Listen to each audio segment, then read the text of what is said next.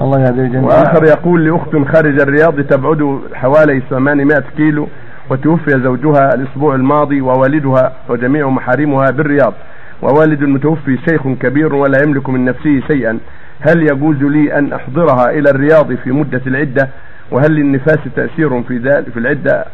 على إذا كانت على ما ذكرت ما عندها أحد يصونها ويحميها تنقل إلى الرياض وهي الشيب اللي معها أما إذا كان عندها من يصونها عندها يعني إخوة لها أو زوج أمها أو غير يعني ناس يصونونها تبقى في محلها حتى تكمل عدتها أما إذا كان ما عندها هذا خلاص في محل في خطر. تنقل. وآخر يقول أنا من مدينة جدة سألت أحد مسؤول هيئة الأمر بالمعروف والنهي عن والنفاس ما لها أثر.